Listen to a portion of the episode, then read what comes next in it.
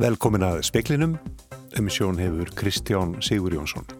Ástandið vegna koronaviru faraldursins fer vestnandi, segir sótvarnalegnir. Hann skilar nýjum sótvarnatillugum til helbriðisar á þeirra fyrir helgi. Ekki verður slakað á. Frönsk stjórnvöld byrði Evrópusambandið að beita sér gegn fórsetta Tyrklands vegna augrana hans í gard frakka undaförnum. Einelti og kinnbundin og kinnferðisleg áreitni eru er rótgróin vandi innan sviðslista á Íslandi. Þetta kemur fram í nýri rannsókn Háskóla Íslands. Jólin verða mörgum erfið og þungbær segja þeir sem þykja aðstóð hjá fjölskyldu hjálp Íslands. Mun fleiri hafa leitað til hjálparstarfskirkjunar í ár enn í fyrra. Markmiðið er að umbylta svefnheiminum, segir lektor sem leiðir 2,5 miljars krónar rannsókn á svefni og svepptengdum öndunar tröflunum. Sóttvarnarlæknir skilar heilbreyðisar á þeirra tillugum að nýjum sóttvarnaraðgerðum fyrir helgi. Hann segir að ástandið færi vestnandi. Þórólfur Guðnason sóttvarnarlæknir segist að hafa verið orðin mjög vongóður í síðustu viku um að harðar aðgerðir sem greipi var tilmyndu skila árangri en hallað hafi undan fæti. Hópsmitið á landakoti sé einn ángi þess. Við erum ekki svo sem búin að sjá fyrir endan að því því að eh, við getum átt að sjá fleiri smitt í samfélaginu út frá landakoti. Þetta náða að dreifa sér, sér víða en þetta er líka að koma upp annar staðar. Þórólfur segir að nú sé verið að meta stöðuna hvað var þar áframhaldandi aðgerðir. Hann skilar vantanlega í nýju minnisblæði til heilbreyðsráþara fyrir helgi. Ég mun ekki leggja til að það verið slakað á við, við erum að sjá aðeins eh, vestnandi ástand, það er ekki bara það að, að, að tölurnar í smittum, nýsmittum eh, sé að ekki að fækka eh, meira en raunberi vittni heldur eru bara líka volt ástand annar stað, það er landsbítalinn, hann er konan eigðastig og, og er í erfiðleikum við erum með farsótahúsin hér í, í Reykjavík, þau eru komin að þólmörkum þannig að þetta er svona farið að, að síga í verulega þannig að þá Eh, þarf kannski að grípa til harðar aðgera það og eftir að ræða það betur. Sagði Þórólfur Guðnason, Solveig Klara Ragnarstóttir tók pistilinn saman. Frakkar ætla að fara fram á að Evrópusambandið beiti sér gegn Erdóan fórseta Tyrklands vegna augrana hans í garð frakka og Makrons fórsetað undanförnu. Frönsk samtök sem hafa aðstóðað fátæka muslima fjáraslega voru bönnuð í dag. Clement Beaune, Evrópumálar á þeirra greindi frá því á franska þinginu í dag að stjórnvölda ætluði að leita liðsinnis ESB gegn Erdogan, hugsanlega með því að beita refsi aðgerðum. Tyrklands fórseti hefur farið mikinn eftir að Emmanuel Macron skar upp herur gegn öfgasinnuðu muslimum og samtökum þeirra í Fraklandi eftir að ungur öfgamaður myrti franskan kennara. Hann hefur meðal annars hvart Macron til að fara í geðransókn og skórað á Tyrki að sniðganga franskar vörur. Leðtóvar annar muslimaríkja svo sem Pakistans, Malasíu, Sáti-Arabi og Íran hafa tekið undir með Erdogan. Talsmaður fransku stjórnarinnar sagði í dag að stjórnvölda ætluði að halda sínu striki í baróttunni gegn öfgamuslimum og samtökum þeirra. Í dag var síðan til kynntastarf sem er hjálpar samtakana Baraka City hefði verið stöðvuð. Þau voru stopnuð í Fraklandi árið 2008 og hafa sapnað fyrir til styrktar fátækum muslimum í Fraklandi og víðar í Íslamskum ríkjum í Asíu og Afriku. Samtökin hafa verið sökuð um tengsl við augarhefingar muslima en stopnandin jafnan neitað því. Áskir Tómasson saði frá. Einelti og kinnbundin og kinnferðisli áreitni eru rótgróin vandamál innan sviðslist á Íslandi. Þetta kemur fram í nýri skýslu rannsóknarstofnunar í jafnbrettisfræðum við Háskóla Íslands sem kynnt var síðdeis. Skýslan var unnin að frungvæði sviðslista sambans Íslands. 52% þáttakanda svöruðu spurningu um reynslu að kynferðislegri áreitni í tengslum við námsitt og störf í sviðslistum játandi og 46% samsvarandi spurningu um kynbundna áreitni.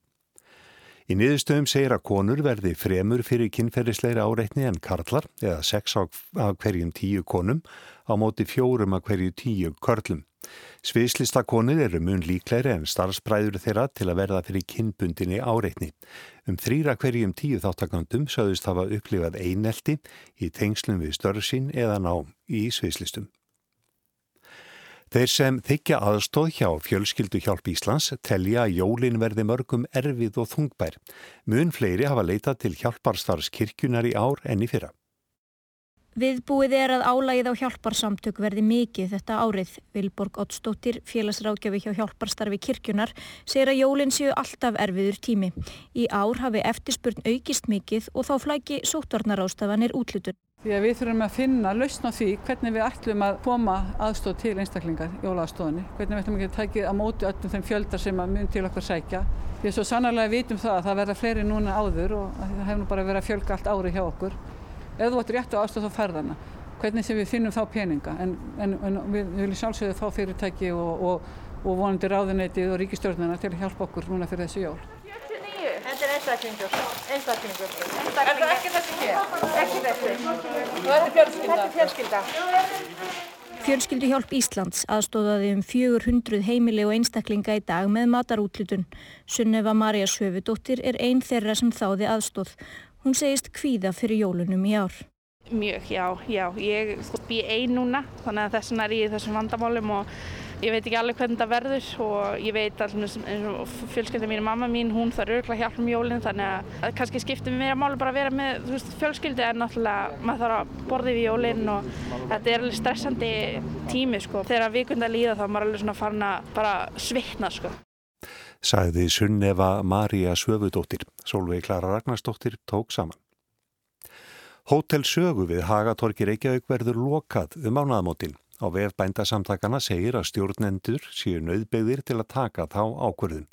Bændahöllin og Hótel Saga hafa verið í greiðslu skjóleik akvart kröfuhöfum síðan í júli.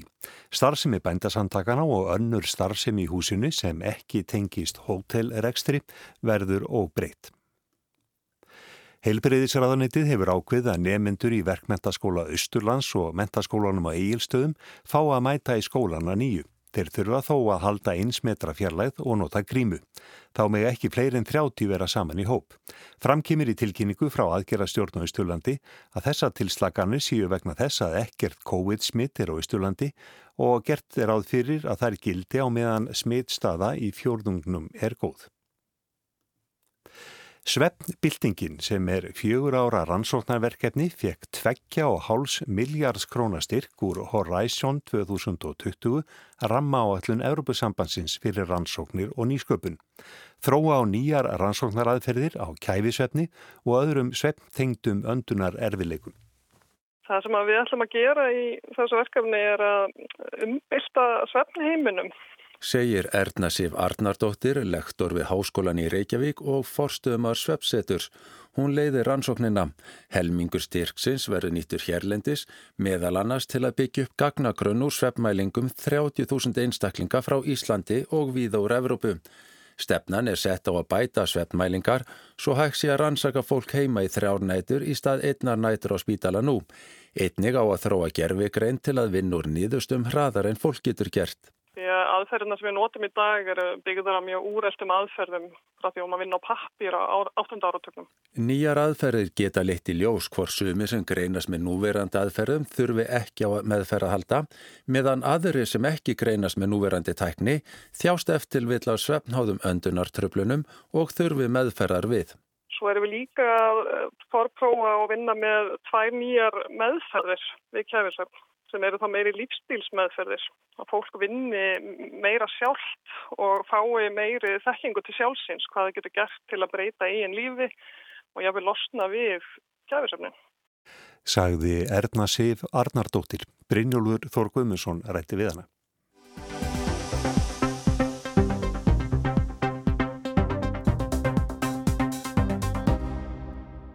Aðeins tæp vika er nú í að kjördagur rennu upp í fórsetakostningunum í bandaríkjónum, þriðju dagurinn þriðji nógumber. Um 250 miljón manns hafa rétt á að kjósa í bandaríkjónum. Yfir 70 miljón manns hafa þegar kosið utan kjörfundar eða í póskostningum og er það mun herri tala enn í kostningunum 2016. Um 137 miljón manns kusu í fórsetakostningunum 2016 sem er um 56% kjörsókn. Flest bendi til þess að kjörsókn verði meiri nú. Eins og kunnut er þá er kostningakerfið í bandaríkjónum all frábriði kerfinu hér heima. Í búar í hverju ríki kjósa kjörmenn sem síðan kjósa fórsetan.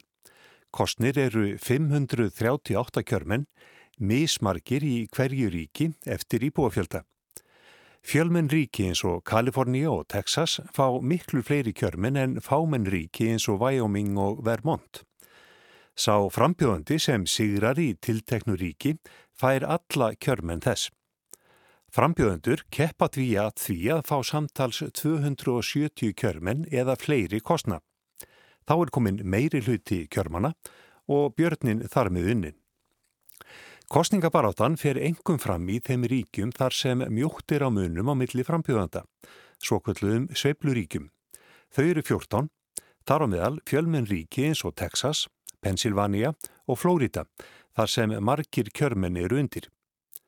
Frambjóðendur láta ríki eins og Connecticut og Oklahoma nánast eiga sig í kostningabarátunni. Biden er örugum í sigur í Connecticut og Trump í Oklahoma og því til lítils að eigða miklu púður í þar. Nú er staðans ús samkvæmt meðaltali fjölmarkra fylgiskannana sem BBC hefur tekið saman að Biden hefur 8% stega fórustu á Trump á landsvísu með 51% fylgi á móti 43. En landsfylgi segir ekki alla söguna. Það er misvægi í kerfinu á milli atkvæða á landsfjölda og fjölda kjörmana eftir ríkjum. Dæmin sína að frambjóðandi sem fær færri atkvæða landsvísu getur orði fórsiti og það gerðist einmitt síðast árið 2016 þegar Hillary Clinton fekk fleiri atkvæði en Trump en hann fekk hins vegar fleiri kjörmenn. Staða nú í Sveipluríkjónum 14, samkvæmt meðaltali fylgiskannana, er svo að Biden hefur fórustu í tíu ríkum en Trump í fjórum og munurinn er víða mjög lítill. Eirikur Bergmann, stjórnmálafræðingur og Birna Anna Björnsdóttir í töfundur fylgjast vel með kostningabarátunni í bandaríkjónum híðana heimann en áður en við ræðum við þau skulum við heyra í Margreti Þorgeistóttur en hún býr skamt frá Tampa í Flórida, einu af Sefluríkjónum. Þar er staðan nýfjöp. Trump hefur 0,4% stega forskott samkvæmt konunum þegar sex dagar eru til kostninga. Það er rosalega mikil skipting á milli fylkinga hérna og ég held að því meira svona spenna í, í demokratana þegar þeir eru bæði skiptast á að vera opastlega spettir og, og jákvæðir í að vera svo í kvíðakasti. Af því að 2016 voru tölunar líka, veist, þá leita ekki út, það hjálpa yngir að Trump myndi ná kjöri 2016, Hillary var yfir en svo gerðist það ekki. Þannig að það er meiri tremblingur hjá demokratunum en ég finn ekki fyrir því beint sjálf, nei. Hvað ræður því að fólk í Flórida kýs annars vegar Trump og hins vegar bætin? Það er brandari hérna í Flórida svolítið að það hefði yngin verið ánæður með fórsetaframbjöða síðan rekan sennilega og ég held að fólk hérna það er sem svolítið aðmennska leiðin er svolítið svo að hugsa fyrst og fremst um sjálfan sig og að líta ekki mikið, mikið lengra. Og þeir sem kjósa Trump eru að kjósa Trump að því að þeir eru hægra megin og verða hægra megin sama hvað og ég held að þeir séu kjósa bæten séu fólk sem á kaus ekki að það var óanægt með frambíðandi 2016 og er núna að fara og mæta og að kjósa til þess að stoppa það sem hefur verið í gangi og mun halda áfram með að trefna er endurkjöri. Kýs fólk fyrst og fremst með buttunni eins og sagtir? Þeir eru sjáman sig. Það er, er eitthvað með ekki verið að horfa á eins og stóri hlutir eins og valkvenna um, fóstureyðingar eða réttindi samkynner og transfólk eða sjúkartryggingar. Ef þetta snertir þig ekki beitt, þá kemur þetta ekki við. Og það er svolítið hardt og mér finnst það svolítið erfitt að ræða það við fólk hérna. Það er veggunum sem ég lendi á en það að vinalegt fólk, gott fólk, það bara setur snefan í borðið og segir bara auðvita ekki. Skiptir ekki máli, ég kýst trönd. Og þá er ég bara orðlös. Sagði Margreit Þorkirsdóttir í Flórida í Bandaríkjánum. Erikur Bergman, stjórnmálafræðingur og Birna Anna Björnsdóttir velkomin í speilin. Eiríkur stattur hérna frammi á, á gangi og Birna Anna í hálfgerði sótkvi heima hjá sér. Eiríkur, hvernig metur þú nú stöðu frambjöðandana bætin og Trump núna 60 fyrir kostningar? Það bendur auðvitað allt til þess að bætin muni hafa þetta. Það er tölverkt mikið meiri munur uh, á milli þeirra tveggja núna heldur en að var á milli Hillary Clinton og, og hérna, Donald Trumps fyrir uh, fjórum árum og svo getur nú líka verið að kannana fyrirtækin sem voru tekin algjörlega í bólinu fyrir fjórum árum þau hafa svona bætt aðferðir sínar eitthvað þannig að það eru auðvitað allar líkur á því að, uh, að Biden hafi þetta en hins vegar er þetta náttúrulega fyrst og fremst bara einhvers konar þjórat hvaða greiðsla um fósetta tíð Donald Trumps miklu frekar heldur en að það sé sko einhver sérstök sko, ástríða uh, á bakvið kjör Joe Bidens þannig að þetta er að mörgu leiti hverfist þetta allt saman um uh, sittjandi uh, forsetta og, og hann stendur ansi höllum fæti. Það þarf eitthvað meiri háttar að gerast til þess að hann nái að endur taka sigurinn fyrir fjórum árum, sínist mér. En Birna, er ykkur myndist þarna á fylgiskannanir fyrir fjórum árum sem að, já það fengur nú heldur betur á, á baugin og þú fylgist með þessu sjálf, uh, bjóst þá í, í New York og býr þenn. Eh, er eitthvað sem bendir til þess að fylgiskannunar séu áraðanleiri núna heldur en þá? Sko ég held að þessi allir mjög svona, það hafa allir varan á sér núna í þetta sem gaggar kannunum. Við sáum það fyrir fjórum árum hvernig kannanir um, það er bara bröðust og síndu ekki það sem að síðan gerðist. Þannig ég held að fólk fari mjög varlega og demokrater fara mjög varlega í það að búast fastlega við sigri þrátt fyrir að kannanir síni svona talsvert yfirbráfylgi bætens en það er bara það er bara, virðist bara mjög erfitt í svona stóru landi og það er búið að fara vera mjög mikið af uppgjörum húnd af hérna, skoðanakonunum síðan að síðan þetta gerir sér fjórum árum. Það virðist bara svolítið erfitt í svona stóru landi að gera áræðanlega kannanins vegna þess að, að þetta er þessi þessi þjóð er bara samsett af svo opaslega mörgum hópum og til þess að ná einhvern veginn, við þekkjum aðferðarfræði kannana, til að ná svona réttu þýði í kannunum þá þarf svona helst að hafa svona gott þversnið af þjóðinni en þjóðin er bara opaslega stóra fjölbreytt og margir hópar þannig að það er virðist oft erfitt að ná góðu þversniði þegar þessar kannan eru teknar. Erikur, hvaða eh, tromp hafa Biden og Trump núna á hendi sem ég geta spilað á síðan síðustu eins og ég saði á þá snýst þetta mjög mikið um fórsetast tíð uh, Donald Trumps. Þannig að þetta er í rauninni atkvæða greiðsla um hann og mörguleiti er bara svo ótrúlegur menningamunur uh, milli sæða í bandaríkjanum að, að þetta uh, sko um, málefnin er ekkit svo sérstaklega sko skýr nákvæmlega um hvað er verið að hvað er verið að kjósa. Þetta er svona miklu frekar eitthvað skonar sjálfsmyndar spurning stuðning um, að, að, svona, að stórum, stórum hluta. En hins vegar náttúrulega snúast þessar kostningar uh, ekki bara auðvitað um Trump heldur líka um uh, þá krísu sem að er yfirstandandi og hann hefur lendi verulegum vandræðum við að takast á við þennan faraldur og Joe Biden uh, sko hann er yðin við að núa fórsetanum það um nasir hvað illa hefur tekist til við viðbröðunum við þessari krísu. Þannig að hún auðvitað þetta er yfir og allt um kring. En uh, síðan hefur uh, Donald Trump þetta verið að reyna að gera því skóna að Joe Biden sé uh, um það bil elli ær og ekki fær til þess að að eh, stýra landinu og valla til þess að, að sko, tjá sig á þess að verða fótaskortur á, á, á, á tungunni. Eh, og honum hefur svona orðið eitthvað aðeins ásmegin með það. En hins vegar sko virðist það ekki ná slíku flugi og svo hefur verið þessi vandræðagangur í kringum svon djóbætens og svona einhver um, uh, verið að reyna að þyrla upp einhverju ríki varðandi spillingar mál þar, það hefur helst heldur ekki alveg uh, loðað við hann. En sko fyrir fjórum árum að þá gerðist það bara rétt í aðdraganda kostningana, mann rétt 10-11 uh, dögum fyrir kostningar að uh, sem sé FBI opnaði á ný sem sagt rannsókn á Hillary Clinton og þessum skandal sem var í kringum tölvupósta hennar. Og það sveiblaði til í allavegna svona um það byl 3% sem að dugði uh, líklegast til þess að, að uh, breyta niðurstöðinni og það eru enþá 6 dagar til kostninga og það getur þetta allt gerst og, og við höfum séð það að gríðarlega stór mál byrtast oft með alveg og útrúlega skjótum hætti þannig að það er nú kannski eiginlega það sem er ófyrir sjáanlegt sem hann gæti breytt þessu. E, Birna Anna, sér þú fram á að eitthvað slíkt get, geti gestið og hvar mun aðal bara áttan fara fram núna þess að síðust daga? Sko ég held að, sko jú, þetta er, er alveg rétt. Þá eh, datt Birna Anna augnarblik út, við kannski haldum áfram með ykkur þá, e, sko hvar mun aðal bara áttan fara fram heldur þú?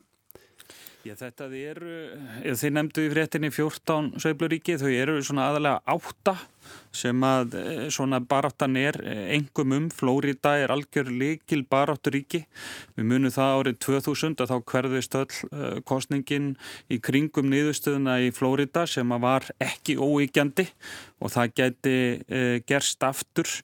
Síðan eru svona klassík sögluríki eins og Pennsylvania og Michigan og, og hérna Wisconsin og fleiri slík uh, ríki en síðan eru líka að koma þarna inn í myndina uh, ný ríki sem ekki hefðu áður talið sveifluríki eins og demokrater eru jafnvel sko að gera sér vonur um að klófesta Texas og meiri sé að Arizona er þarna komið inn í þessa mynd. Þannig að þrátt fyrir að það séu 50 ríki í bandaríkjónum og uh, uh, þetta séu þar að segja, þar lendi 50 kostningar unni 51 ef við teljum Washington DC með að þá eru það þessi áttaríki sem að öllu munu skipta.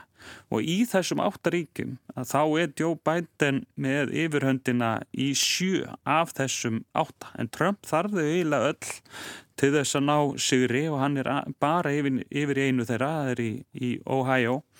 En ég myndi sko að halda að að uh, það kannski svona viðsjár vest að við þessar kostningar uh, séu að niðurstaðan verði ekki óvíkjandi og það bara sko bresti á með gríðarlegum laga flækjum og deilum í kjölfarðera fyrir hérna Eh, fyrir 20 árum þegar að, þegar að hérna, Al Gore gaf eftir uh, kostingarnar uh, í garð uh, George Bush til þess að koma í veg fyrir rauninni pólitiska upplaust.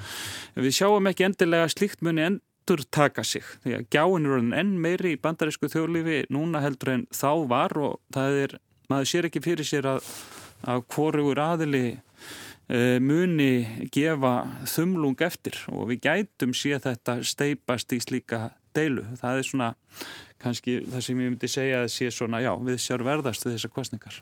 Birnan, ertu, ertu nú ertu komin á línun aftur, ert, ertu sammála þessar greiningu Eiríks og það myndist aðan á að það væri, þetta væri svo fjölbreyttur kostningahópur. Það er hérna hvítir, svartir, spænskumælandi, karlar, konur þéttbíli dreifbíli og svo framins. Og, og þessir hópar kjósa mjög sterkt, um, þeir eru mjög svona sterkir